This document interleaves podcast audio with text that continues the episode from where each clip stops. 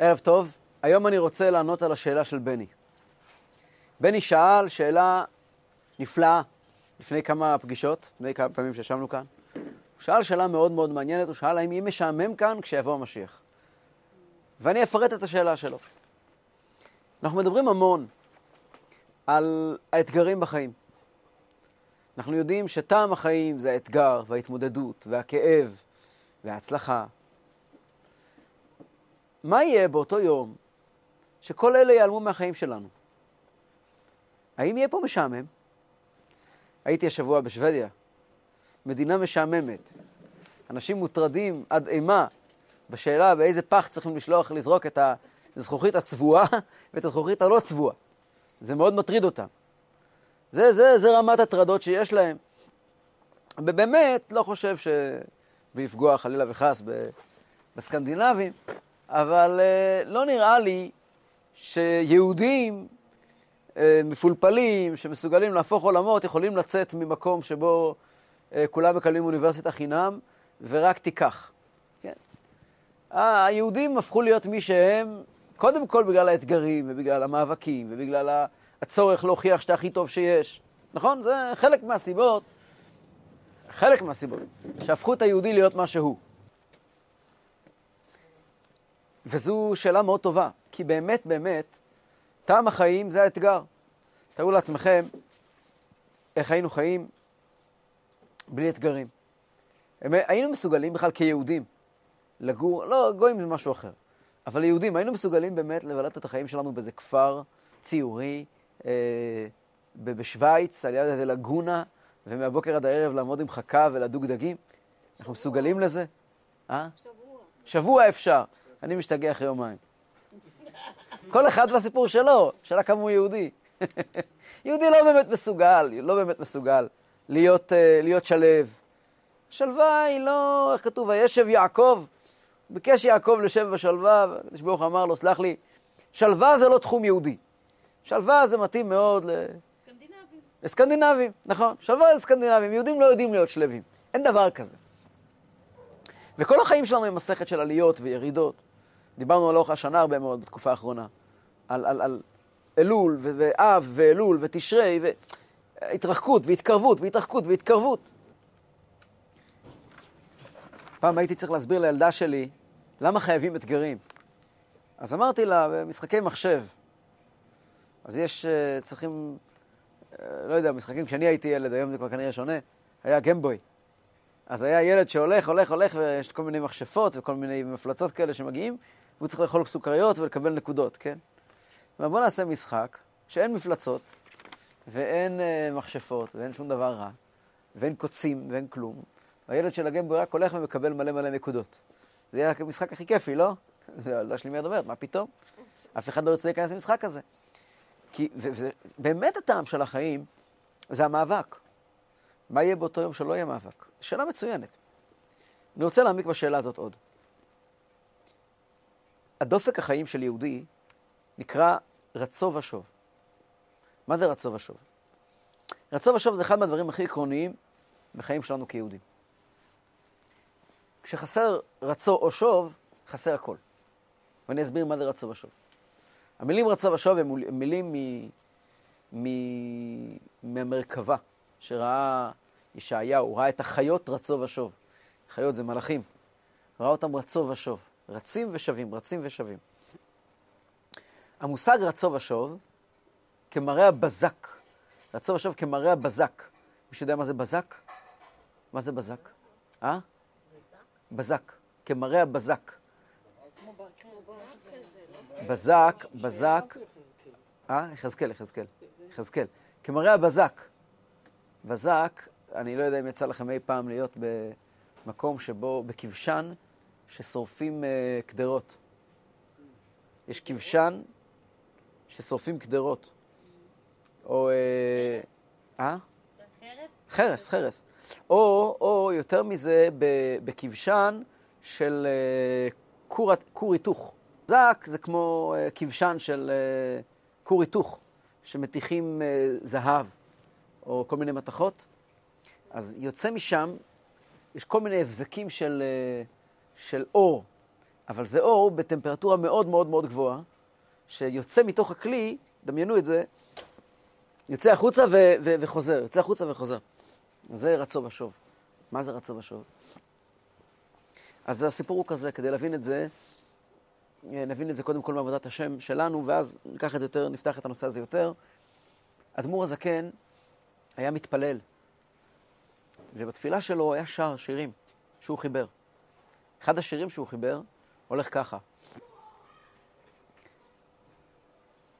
כאייל תהרוג על אפיקי מים. זה החלק הראשון של השיר. החלק השני, והיו לטוטפות בין עיניך. אני חוזר על השיר שוב פעם כי הוא מסביר. כאייל תהרוג על אפיקי מים, והיו לטוטפות בין עיניך. זאת אומרת, יש פה, בחיים של היהודי, יש שני חלקים. יש מה שהיהודי רוצה, ויש מה שהשם רוצה.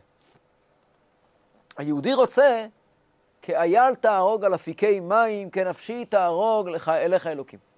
צמא נפשי לאלוקים לקל חי, מתי יבוא ויראה פני אלוקים? יהודי היה מת שכל השנה יהיה תשרי, ואנחנו, ולא להיפרד מיום כיפור, ולא לעזוב את, את הקדושה ואת ה... הרבה פעמים בבעלי תשובה רואים את זה שרע להם העובדה שהם צריכים להתעסק עם כל מיני דברים של החיים הפשוטים, וצריכים לחזור חזרה, והרבה מאוד באמת אה, פועלים בצורה לא נכונה, שהם שוכחים שהעיקר זה המעשה בפועל. מצד שני, הקדוש ברוך הוא רוצה, והיו לי התופעות בין עיניך. שה... הצמאון שלך אל הקודש יבוא לידי ביטוי במצוות מעשיות. וזה דופק החיים של יהודי. מצד אחד, איפה אני רוצה להיות? מצד שני, איפה השם רוצה שאני אהיה. למה צריכים את שני הצדדים האלה יחד? כי בלי זה יש לנו חיים טכנו, טכניים. הדבר הכי גרוע ביהדות זה להיות מכונת הלכה. מכונת הלכה ביידיש זה נקרא מסנגד. בעברית זה נקרא מכונת הלכה. מה זה מכונת הלכה? מכונת הלכה זה בן אדם שהרכיבו לו שבב של שולחן ערוך, וכל מה שמעניין אותו בחיים זה רק שולחן ערוך.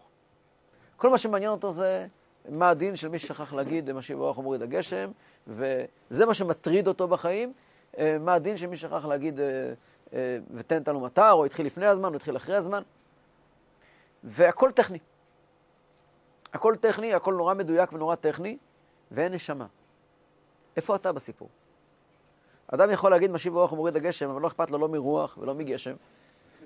והוא יכול, אדם יכול לומר את כל התפילה, מילה במילה, בדקדוק, ולא לשים לב שהוא מדבר עם הקדוש ברוך הוא בכלל. היה לי פעם קטע, היה פה פעם איזה כולל, שעמדו המעמד את אברך והתפלל 12 דקות 18. אז מישהו אומר לי, תסתכל איזה יכולת, אני לא מסוגל לעשות דבר כזה. לא מסוגל. אז מישהו אומר, תסתכל, 12 דקות הוא מתפלל 18. אז אמרתי לו, אתה מכיר את האברך הזה? אז הוא אומר לי, כן. אמרתי לו, הוא לומד חסידות? הוא אומר לי, לא. אמרתי לו, אני מבטיח לך שהוא לא חשב על הקדוש ברוך הוא פעם אחת בכל ה-12 דקות האלה. הוא סיים 18, ניגשתי אליו, יחד עם החבר שלי. החבר שלי יכול להעיד על זה. שאלתי אותו, למה אתה מתפלל 12 דקות 18? מה לוקח לך 12 דקות 18? אז הוא אומר לי, לא. הוא אומר לי שיש כל מיני מילים שיכולות להתחבר למילים אחרות. הוא צריך לגות אותם נכון. ה-12 דקות 18 היו, היו מחשבות על בריך, עלינו, השם, אלוקינו. הוא לא חשב לא על השם ולא על אלוקינו, הוא חשב על מילים. טכני, טכני, טכני, טכני. שזה נובע באמת מאיזשהו ניתוק פנימי מהקדוש ברוך הוא. איך כתוב בחז"ל, הרבה למדו תורה ושכחו על נותן התורה. זה מאוד קל להיות אדם שמקיים את כל המצוות בלי שום חיבור. יש לזה המון דוגמאות, אה, בלי סוף דוגמאות, שאנשים שיכולים להיות באמת דתיים עד בלי די, בלי שהתורה משנה בהם כלום. אפשר לייצר חיץ, אזור חיץ של עד פה תבוא, יש לנו הסכם שלום עם הקדוש ברוך הוא. אני מוכן לבצע אותך, טכנית, רק אל תיגע בי. אז קיום מצוות בלי תשוקה הוא דבר שאולי הקדוש ברוך הוא יש לו רווחים מזה, כי הקדוש ברוך הוא רוצה שנקיים מצוות. אבל איפה האדם? איפה אתה בסיפור? יש uh, דוגמה מאוד פשוטה שכל אחד יכול להתחבר איתה. יש הרבה עמותות שעוסקות בחסד. עכשיו, אף אחד לא שומע, נכון? אנחנו מדברים רק בינינו. אני אומר לכם, שחלק לא קטן מהעמותות האלה, לא כולם חלילה וחס, אבל חלק לא קטן מהעמותות האלה, באים לספק צורך מאוד מאוד ציני וטכני של מייסד העמותה. יש אדם, צריך עניין לענות בו, ומשהו להתפרסם בו, ומשהו לגייס עליו כספים, אז הוא פותח עמותה. זה לא הפירוש שבאמת כעת אה, נוגעת בו אה, זעקת ואנשים העניים והמרודים והמרוטים. יש כאלה שעושים את אותו הדבר מכל הלב. אפשר להבחין. עכשיו, איזה עמותה תהיה יותר טובה? לא יודע, זה לא קשור. אותי מעניין מה, מה הם עושים בפועל. אותי מעניין, בסוף אמור לעניין אותנו, השורה התחתונה, כוונות, אנחנו לא עוסקים בכוונות. פעם מישהו הגיע לרבי מסטמר ואומר לו, העסקנים שלך פה, ב, ב... הם כולם גנבים, תסתכל את המכוניות שלהם, תסתכל את הבתים שלהם. אז הוא פתח את המגירה והוציא תמונות של איך הם הגיעו לארה"ב בשנת 41, 45. הגיעו לארה"ב, ואיך זה נראה עכשיו 20 שנה אחרי. הוא אומר לו, תביא לי עוד כמה גנבים כאלה, אני צריך אותם. בסוף מעניין אותי הטכני. אכפת לי שהוא גנב? שיגנוב עוד! רק אל תחליף לי אותו, כי גנבים חדשים, לוקח להם זמן. שיגנוב כמה שהוא רוצה, הכל בסדר. אם, אם העסק זז, אם העסק עובד, מה הבעיה? מה, אני פה בוחן כליות ולב? הכל בסדר. זה שאתה מסתכל מנקודת מבט ביצועית. אני רוצה שדבר יקרה. אני רוצה שדבר יקרה. אם אני רוצה שדבר יקרה, לא אכפת לי שתגיע ממניעים פוליטיים ואישיים ו- ואגואיסטיים. לא מעניין אותי. אני רוצה שזה יקרה. אבל אם אתה מדבר על האדם, האדם עצמו, אם לא תהיה לו פה איזה, אם לא יהיה לו חיבור, אז הוא מחוץ לתמונה. יכול להיות בן אדם מושחת, והיו כאלה, שעשו מפעלים אדירים, אנשים מושחתים לחלוטין. בלי שמות, אבל uh, היו, לאחרונה התפוצצו כמה פרשות, אנשים שהקימו ארגונים שהצילו אלפים. אדם מושחת לגמרי, מושחת מן היסוד. אבל הוא הקים ארגון, הוא הקים ארגון אדיר. עכשיו, אל תגיד לי שהארגון שהוא הקים הוא לא אדיר, בוא, הדברים האלה עומדים בפרמטרים מאוד מאוד ברורים של עשייה ושל הצלחה. זה שהוא מושחת, לא אכפת לי, זה לא עסק שלי.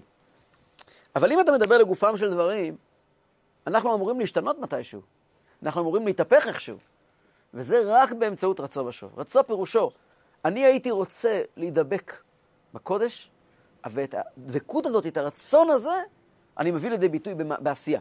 כמו, אתן דוגמה פשוטה, אדם שיש לו בבית שלו איזשהו, איזושהי טרגדיה, איזשהו קושי שהוא מתנהל איתו. יש לו ילד לא בריא, יש לו משהו כזה. עכשיו, הוא רוצה לעשות הכל כדי לתקן את העולם, שהעסק יעבוד נכון. אז הוא מגיע, והוא רוצה לתקן את העולם, יש איזו עוולה שמציקה לו. ומתוך הרצון הזה לתקן את העולם, הוא קם ועושה מעשה. בכזה מצב, הוא נכנס בתוך העסק. זה הופך להיות הוא. זה הופך להיות הוא, הרצון שלו לעשות דברים גדולים, הכאב שלו מדברים גדולים. וכל הדברים הגדולים שעם ישראל עשה בהיסטוריה, תמיד היה אחרי איזה שבר נוראי ורצון לתקן את העולם. הדוגמה הכי טובה זה המקום שבו אנחנו גרים. ארץ ישראל שנבנתה אחרי השואה באופן כל כך חסר תקדים, היה קודם כל בגלל צורך עצום של אנשים לעשות משהו. לעשות משהו. זאת אומרת, אי אפשר שהמציאות תישאר כמו שהייתה עד היום. כשדבר כזה קרה, חייבים לעשות משהו. זה נקרא רצון ושוב. מצד אחד תשוקה אדירה, מצד שני שהיא מגיעה לידי פועל. ואני הסברתי אולי רק צד אחד, למה אי אפשר שוב בלי רצון, למה אפשר מעשים בלי התשוקה. גם הפוך זה לא בסדר. אם אדם יש בו תשוקה, והוא לא מוכן להביא אותה לידי ביטוי במעשים, זה לא רלוונטי לאף אחד. יש מלא אנשים טובים, אין לי מה לעשות איתם. אנשים טובים זה דבר נחמד. אם, אם, אם, אם, אם, אם, אם מהתשוקות הגדולות האלה נשאר רק דמעות וחיוכים, אז עם כל הכבוד, העולם לא מתקדם עם זה. המנוע הוא רצו ושוב. רצו זה משיכה כלפי מעלה, שוב זה היזרקות כלפי מטה. וזה בעל התניא היה מנגן בתפילה שלו. כי היה אל תהרוג על אפיקי מים, אני משתוקק אליך, ואני יודע שאתה רוצה שאני אהיה פה ולא תטפות בין עיניך. אני פעם שמעתי מחסיד בכפר חב"ד, ששמע מהרבי, אני גם ראיתי את זה כתוב בשיחות, אבל הוא תיאר איך הרבי אמר את זה, הוא היה שם. בהתוועדות אחת הרבי אמר שישנו יהודי, הרבי אמר את זה בבכי תמרורים, בשנים הקדמוניות, שישנו יהודי שכל היום עסוק בעסקנות הכלל. כל הזמן הוא, הוא, רץ ממקום למקום, וצריך לדאוג לזה ולדאוג לזה ולדאוג לזה ולדאוג לזה, הוא עסוק בעסקנות הכלל. ויש בו תשוקה אדירה לקרבת אלוקים. מרגיש את הקדוש ברוך הוא. יום שלם עובר, והוא כל הזמן עסוק בעסקנות הכלל. סוף סוף מגיע קצת אחר הצהריים, ערב, מגיע השעה שכבר קצת שקט, נכנס עצמו למשרד, פותח את הספר ליקוטי תורה, רוצה לדבוק בקדוש ברוך הוא. מגיע עצמותו יתברך, מגיע הקדוש ברוך הוא. דופק לו על הדלת ואומר לו, יהודי, מה אתה רוצה לדבוק בי? מה אתה רוצה לדבוק בי? צא החוצה מהחדר שלך. לך לקרן הרחוב. תקנה קנדיז, תקנה סוכריות. תחפש ילדים יהודים להגיד איתם ברכה. הרבי בכה מאוד שהוא אמר את זה. זאת אומרת, הרבי דיבר על עצמו כנראה.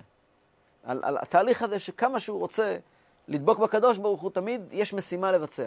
עוד משימה לבצע ועוד משימה לבצע. לפעמים המשימה היא פשוט ללכת ולהגיד עם ילד ברכה. גם זו משימה.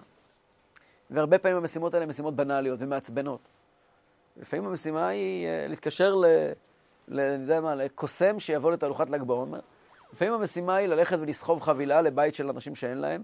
לפעמים המשימה היא להקשיב לאיזה נודניק. לפעמים המשימה, יש לנו כל מיני משימות. עכשיו, המשימות האלה כשלעצמן, הן לא הכיף הכי גדול.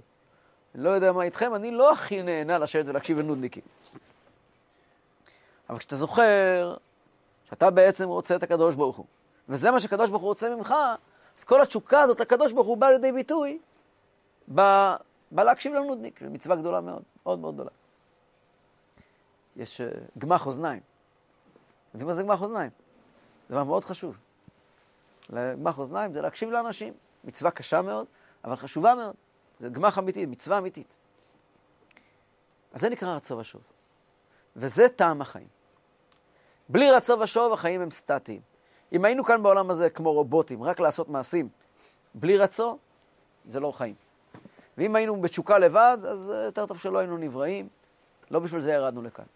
ושאל בני לפני שבועיים, ואני חוזר לשאלה, באותו יום שלא יהיה רצו ושוב, כיוון שהכל יהיה נכון ומתוקן, והעולם יהיה מסודר ומדויק, ואיזה מין מקום יהיה אז לחיים שלנו? מה נעשה אז? לקום בבוקר בשביל מה? שאלה מאוד יפה. התשובה נמצאת בפסוקים שחותמים את ספר ישעיהו. ספר ישעיהו, ספר שרובו ככולו עוסק בגאולה. והפרק האחרון שבו, כה אמר השם, השמיים כסאי והארץ אדום רגלי. ככה מתחיל הפרק, מסתיים במילים, כי כאשר השמיים החדשים והארץ החדשה, אשר אנוכי עושה, כן יעמוד זרעכם ושמכם. והיה מדי חודש בחודשו, ומדי שבת בשבת. יבוא כל בשר להשתחוות לפניי, אמר השם. מדברים פה על איזה שמיים חדשים והארץ החדשה אשר אנוכי עושה. דנים בזה, מה זה השמיים החדשים והארץ החדשה? הרמב"ם למשל כותב במורה נבוכים, שהשמיים החדשים והארץ החדשה, לא הכוונה כפשוטו, אלא הכוונה שמלכות ישראל, כאשר תבוא הגאולה, תהיה מחודשת לגמרי. לא יהיה שום, יהיה, היא תהיה תקיפה ותהיה יציבה. המפרשים על המקום מסבירים, הרד"ק ועוד, שהשמיים החדשים והארץ החדשה, הכוונה היא לא לשמיים החדשים, שיהיו שמיים חדשים, אלא להתחדשות של השמיים. אנחנו מסתכלים על השמיים היום, הסתכלנו עליהם שבוע שעבר, לפני שבועיים, לפני חודשיים, לפני מאה שנים, השמיים תמיד חדשים. הם לא, אין, אין להם בלאי. הארץ גם חדשה, הארץ מתחדשת כל הזמן. כל הזמן הארץ נותנת פירות חדשים, כל הזמן מתחדשת. אז כן יעמוד זרעכם ושמכם, כשיגיע אותו יום שבני ישראל יחזרו לארץ ישראל ומשיח יבוא, אז יהיה התחדשות, כל הזמן התחדשות. כן, זה מתאים דווקא עם מבואר בחסידות שכבר נדבר. אבל במקומות אחרים כתוב, הרמב"ן כותב ועוד, שיש דבר אמיתי שנקרא שמיים חדשים וארץ חדשה. מה הכוונה? אז הרמב"ן אומר, יש מחלוקת מפורסמת בין, הרמב, בין הרמב"ם לרמב"ן, האם יש לנו השפעה בכלל על האקלים, על העולם. הרמב"ם טוען שהעולם הוא עולם. הרמב"ן דווקא טוען, שהוא מביא ראייה מאריכות הדורות שהיו בזמן uh, תחילת בריאת העולם, היה 26 דורות שהיה להם אריכות ימים uh, מטורפת, כמו שקוראים בפרשיות בראשית ו, ונוח. אומר הרמב"ן, זה בגלל, הרמב"ם כותב כי היה להם אוכל טוב. הם אכלו נכון, היה להם תזונה טובה. הרמב"ן כותב שהיה להם טבע אחר. שהעולם משתנה לפי מעשה האדם. וכשלאנשים יש טבע אחר, העולם יכול לחיות אחרת. כתוב על חזקיהו המלך, כתוב בגמרא שהוא גנז ספר רפואות. למה הוא גנז ספר רפואות? כי כתוב שחזקיהו המלך היה אמור להיות משיח, והיה התנהגות של עם ישראל כל כך טובה, שלא היה צריכים, לא היה צריכים ספר רפואות. כלומר, ישנה השפעה אמיתית על האקלים ועל המקום של האדם בעולם באמצעות ההשפעה הרוחנית. אבל בחסידות מוסבר, או אומר הרמב"ן, שיש שמיים חדשים וארץ חדשה, יהיה התחדשות. שהעולם שיבוא, כשמשיח יבוא, לא נכיר ולא נזהה בעולם הזה את העולם שבו אנחנו חיים כעת. כאילו הכל חדש. מה באמת המשמעות? כדי להבין את זה נפתח מההתחלה את המילים, כה אמר השם השמיים כיסאי והארץ אדום רגלי. מה זה השמיים כיסאי והארץ אדום רגלי? כיסא זה מקום שיושבים עליו. הדום, מה זה הדום? מקום שמרימים עליו את הרגליים. אז אם אנחנו רואים, בעצם שני דברים הפוכים. על כיסא אני יורד. הדום מרים אותי, נכון? הכיסא הוא מקום שאליו אני יורד, עליו אני מתיישב. וה, והאדום הוא מגביה אותי, חזרה למעלה. למה משתמשים באדום? כי אני לא רוצה לשים את הרגליים עד הרצפה, אני רוצה שהם קצת יותר מרוממים. מסביר בעל התניא, זה ממש רצו ושוב. התפקיד של רצו ושוב זה להיות כיסא ואדום. התפקיד של הרצו זה קצת לרומם אותי, כמו אדום, קצת לרומם אותי. התפקיד של השוב, של המצוות, זה להוריד אותי, להביא אותה למציאות, להושיב אותי. אז הקדוש ברוך הוא מגיע ואומר, השמיים כיסאי והארץ אדום רגליי. יש בעולם הזה רוחניות, שמיים. ושם יש לכם אפשרות להביא אותי כיסאי, להביא, להושיב אותי בעולם. באמצעות מצווה, באמצעות לימוד תורה, באמצעות מעשה טוב. זה שמיים כיסאי. והתשוקה שלכם, שאתם נמצאים בתוך הארץ, בתוך החומריות, אתם רוצים לברוח משם, זה אדום רגליי, בזה אתם מתרוממים אליי. וככה נוצר איזשהו שילוב בין כיסאי לאדום רגליי, ונעצרים במקום טוב באמצע. זה רצו ושוב. ככה גם כתוב בפרשת בראשית, אלה תולדות השמיים והארץ בעיברם, ביום עשות השם אלוקים ארץ ושמיים. מסבר בחסידות, השם אלוקים, השם זה שם ההתגלות, אלוקים זה שם ההסתר, נכון? אז השם אלוקים, ארץ ושמיים. ארץ זה עניין של הסתר. החיים הארציים, זה נברא על ידי שם אלוקים. והמטרה של זה לגרום לי לברוח משם, לרצות להתרומם. שמיים זה ביטוי של שם ההוויה, של ההתגלות. זה אותם רגעים בחיים שלנו, רגעי הערה, רגעים שמרוממים אותנו. והשילוב של שניהם זה החיים. היום מסרת השם אלוקים ארץ ושמיים, והרצון שלנו להתרומם והרצון שלנו לרדת. זה היה הכל טוב ויפה מבריאת העולם עד משיח. כשמשיח יגיע, יש סדר אחר. השמיים החדשים והארץ החדשה. מה זה השמיים החדשים והארץ החדשה? אז כמו שיש מושג רצו ושוב, יש בקבלה מושג שנקרא מתי ולה מתי. מתי ולה מתי. בא ולא בא. שזה נחשב השורש של רצו ושוב. מה זה מתי ולה מתי? כדי להבין את זה אני אתן משל. ששמעתי ממורים ורבי רבי כהן, בהקשר אחר. המשל הזה נותן הבנה עמוקה יותר בכל הרעיון של רצו ושוב, רק שהופך לגמרי את התמונה. הייתי עכשיו ב... בהכנסת ספר תורה בסטוקהולם, שוודיה. נסעתי לשם במיוחד, שבוע שעבר, כדי לחזק את משפחת אה, גיסתי וגיסי, הרב חיים ומינה גרייזמן, שנמצאים שם בשליחות לא מובנת. רקדנו ברחוב בהכנסת ספר תורה. אמר לי בן אדם, זה פעם ראשונה בחיים שלי שאני יוצא עם כיפה לרחוב. לא בגלל אנטישמיות.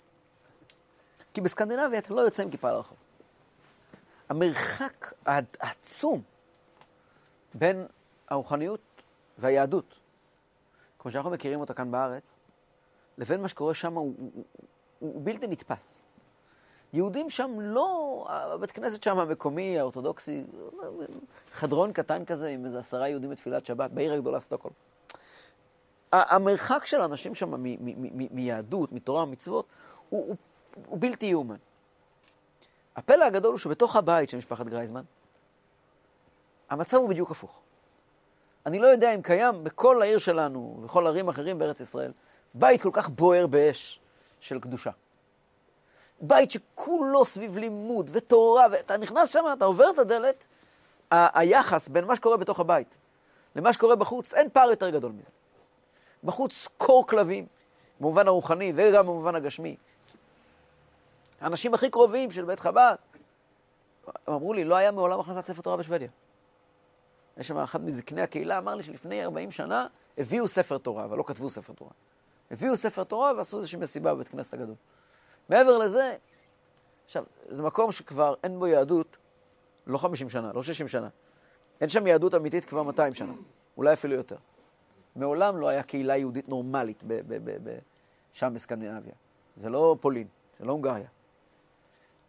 והקור הזה, ומצד שני בבית כזה, וההתעסקות של כולם סביב התורה, מגיע אותו, מגיע הרב גרייזמן עם הילדים שלו, וכותבים את ספר התורה, וכל הקהילה משתתפת, ויוצאים בריקוד אנשים שהיו עד לפני דקה, לא היו מוכנים ללבוש כיפה מחוץ לבית או לבית הכנסת, פוצחים בכזה ריקוד באמצע הרחוב, שהלוואי ופה היו רוקדים ככה עם התורה.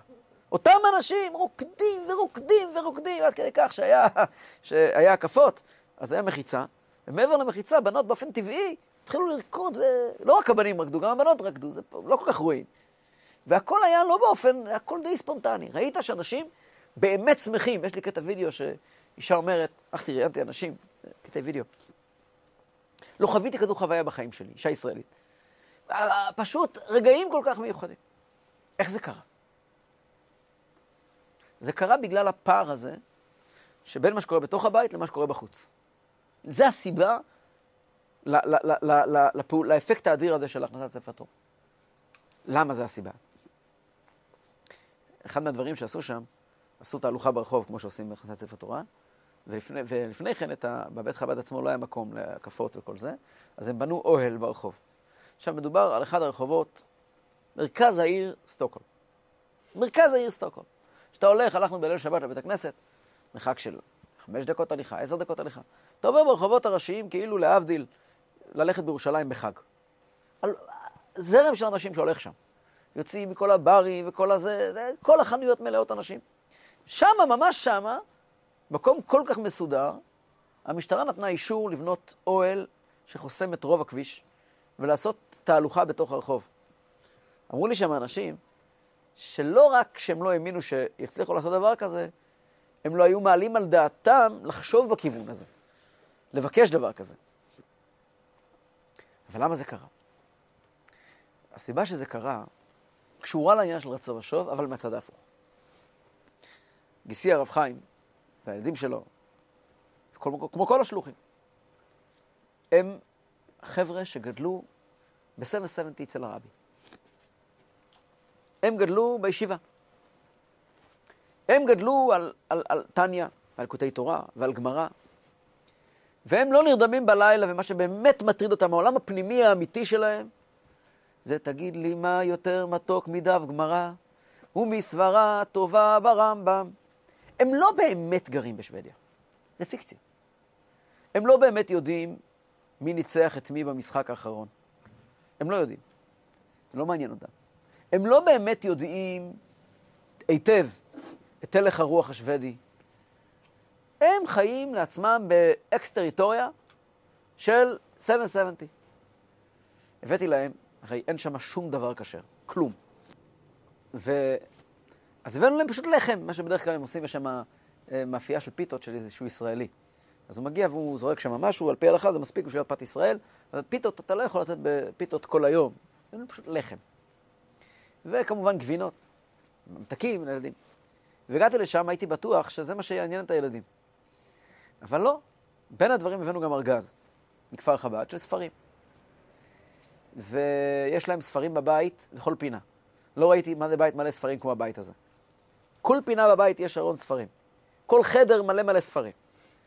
וזה פשוט מפלט. ספרים. ובין הספרים היה ספר חדש שיצא לאור מהתורה של הרבי, תורת מנחם, חלק ע"ו נדמה לי. אני אפילו לא ידעתי שיצא.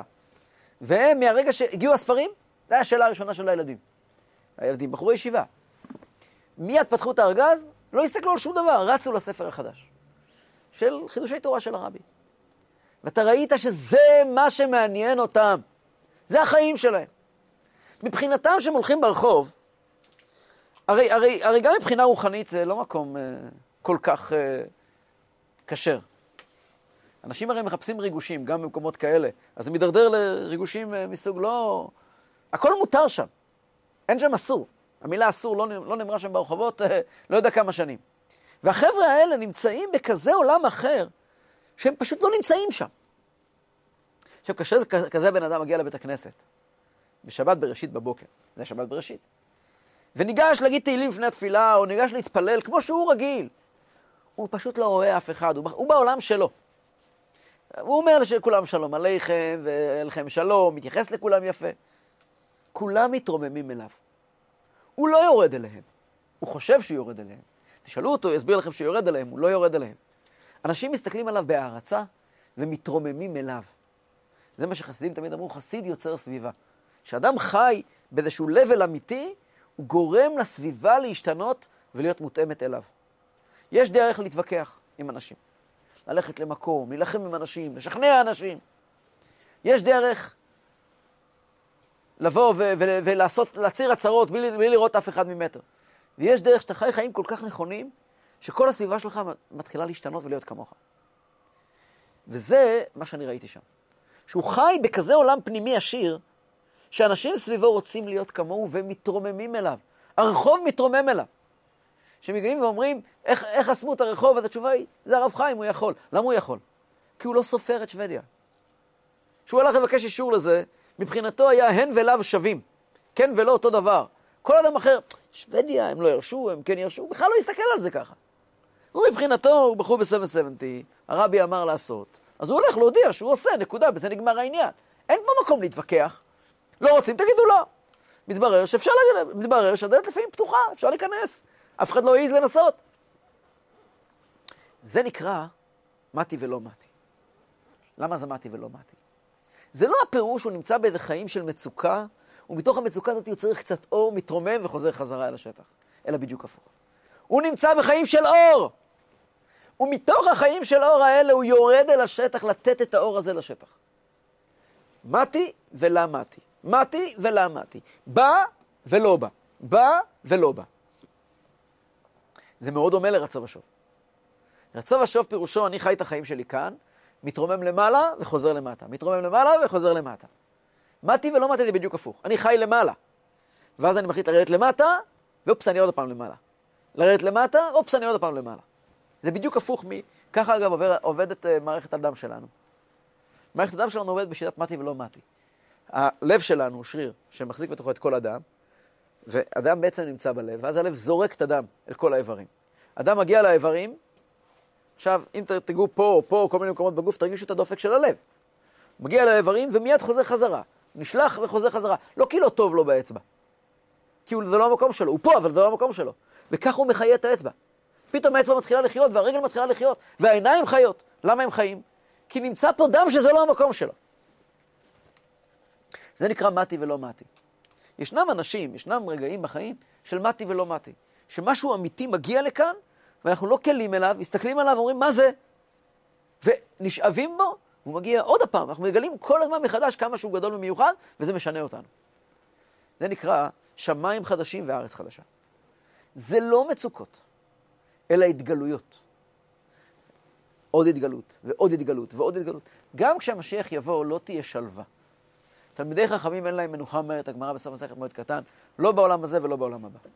שנאמר, ילכו מחיל אל חיל. יהיה כל הזמן התחדשות. אבל התחדשות לא תהיה מתוך מצוקה, אלא מתוך התגלות. עוד התגלות ועוד התגלות, וכל התגלות בעצם מייצרת עולם חדש. שמיים חדשים שמייצרים ארץ חדשה. הפסוק מסיים, כן יעמוד, כן יעמוד זרעכם ושמכם. מה זה כן יעמוד זרעכם ושמכם? שבוע שעבר שאל יגאל, מה אכפת לי כל זה? הרי זה יהיה כשמשיח יבוא, לא היום. לכן אומר לו הפסוק, דע לך, כל מה שיהיה בעתיד, תוצאה של מה שאנחנו עושים בהווה. זרעכם ושמכם. זרעכם זה העובדה שהנשמה שלנו זרועה בתוך הגוף בעולם הזה. שהנשמה שלנו ירדה למטה וצריכה להתמודד עם החיים. זה נקרא זרעכם. שהנשמה זרועה וזרעתי עלי בארץ. שמכם זה שאנחנו מקבלים על עצמנו קבלת עול מלכות שמיים, ברוך שם כבוד מלכותו לעולם ועד, מקבלים על עצמנו את הקדוש ברוך הוא. אז זה רצו ושוב, זרעכם ושמכם. זרעכם שהנשמה יורדת למטה, שמכם שאנחנו מקבלים על עצמנו את, את, את הקדוש ברוך הוא. אומר לנו הנביא, אתה יודע, כאשר השמיים החדשים והארץ החדשה אשר אנוכי עושה, יודע למה זה יהיה? זה הכל מזה שהיום יש לכם זרעכם ושמכם.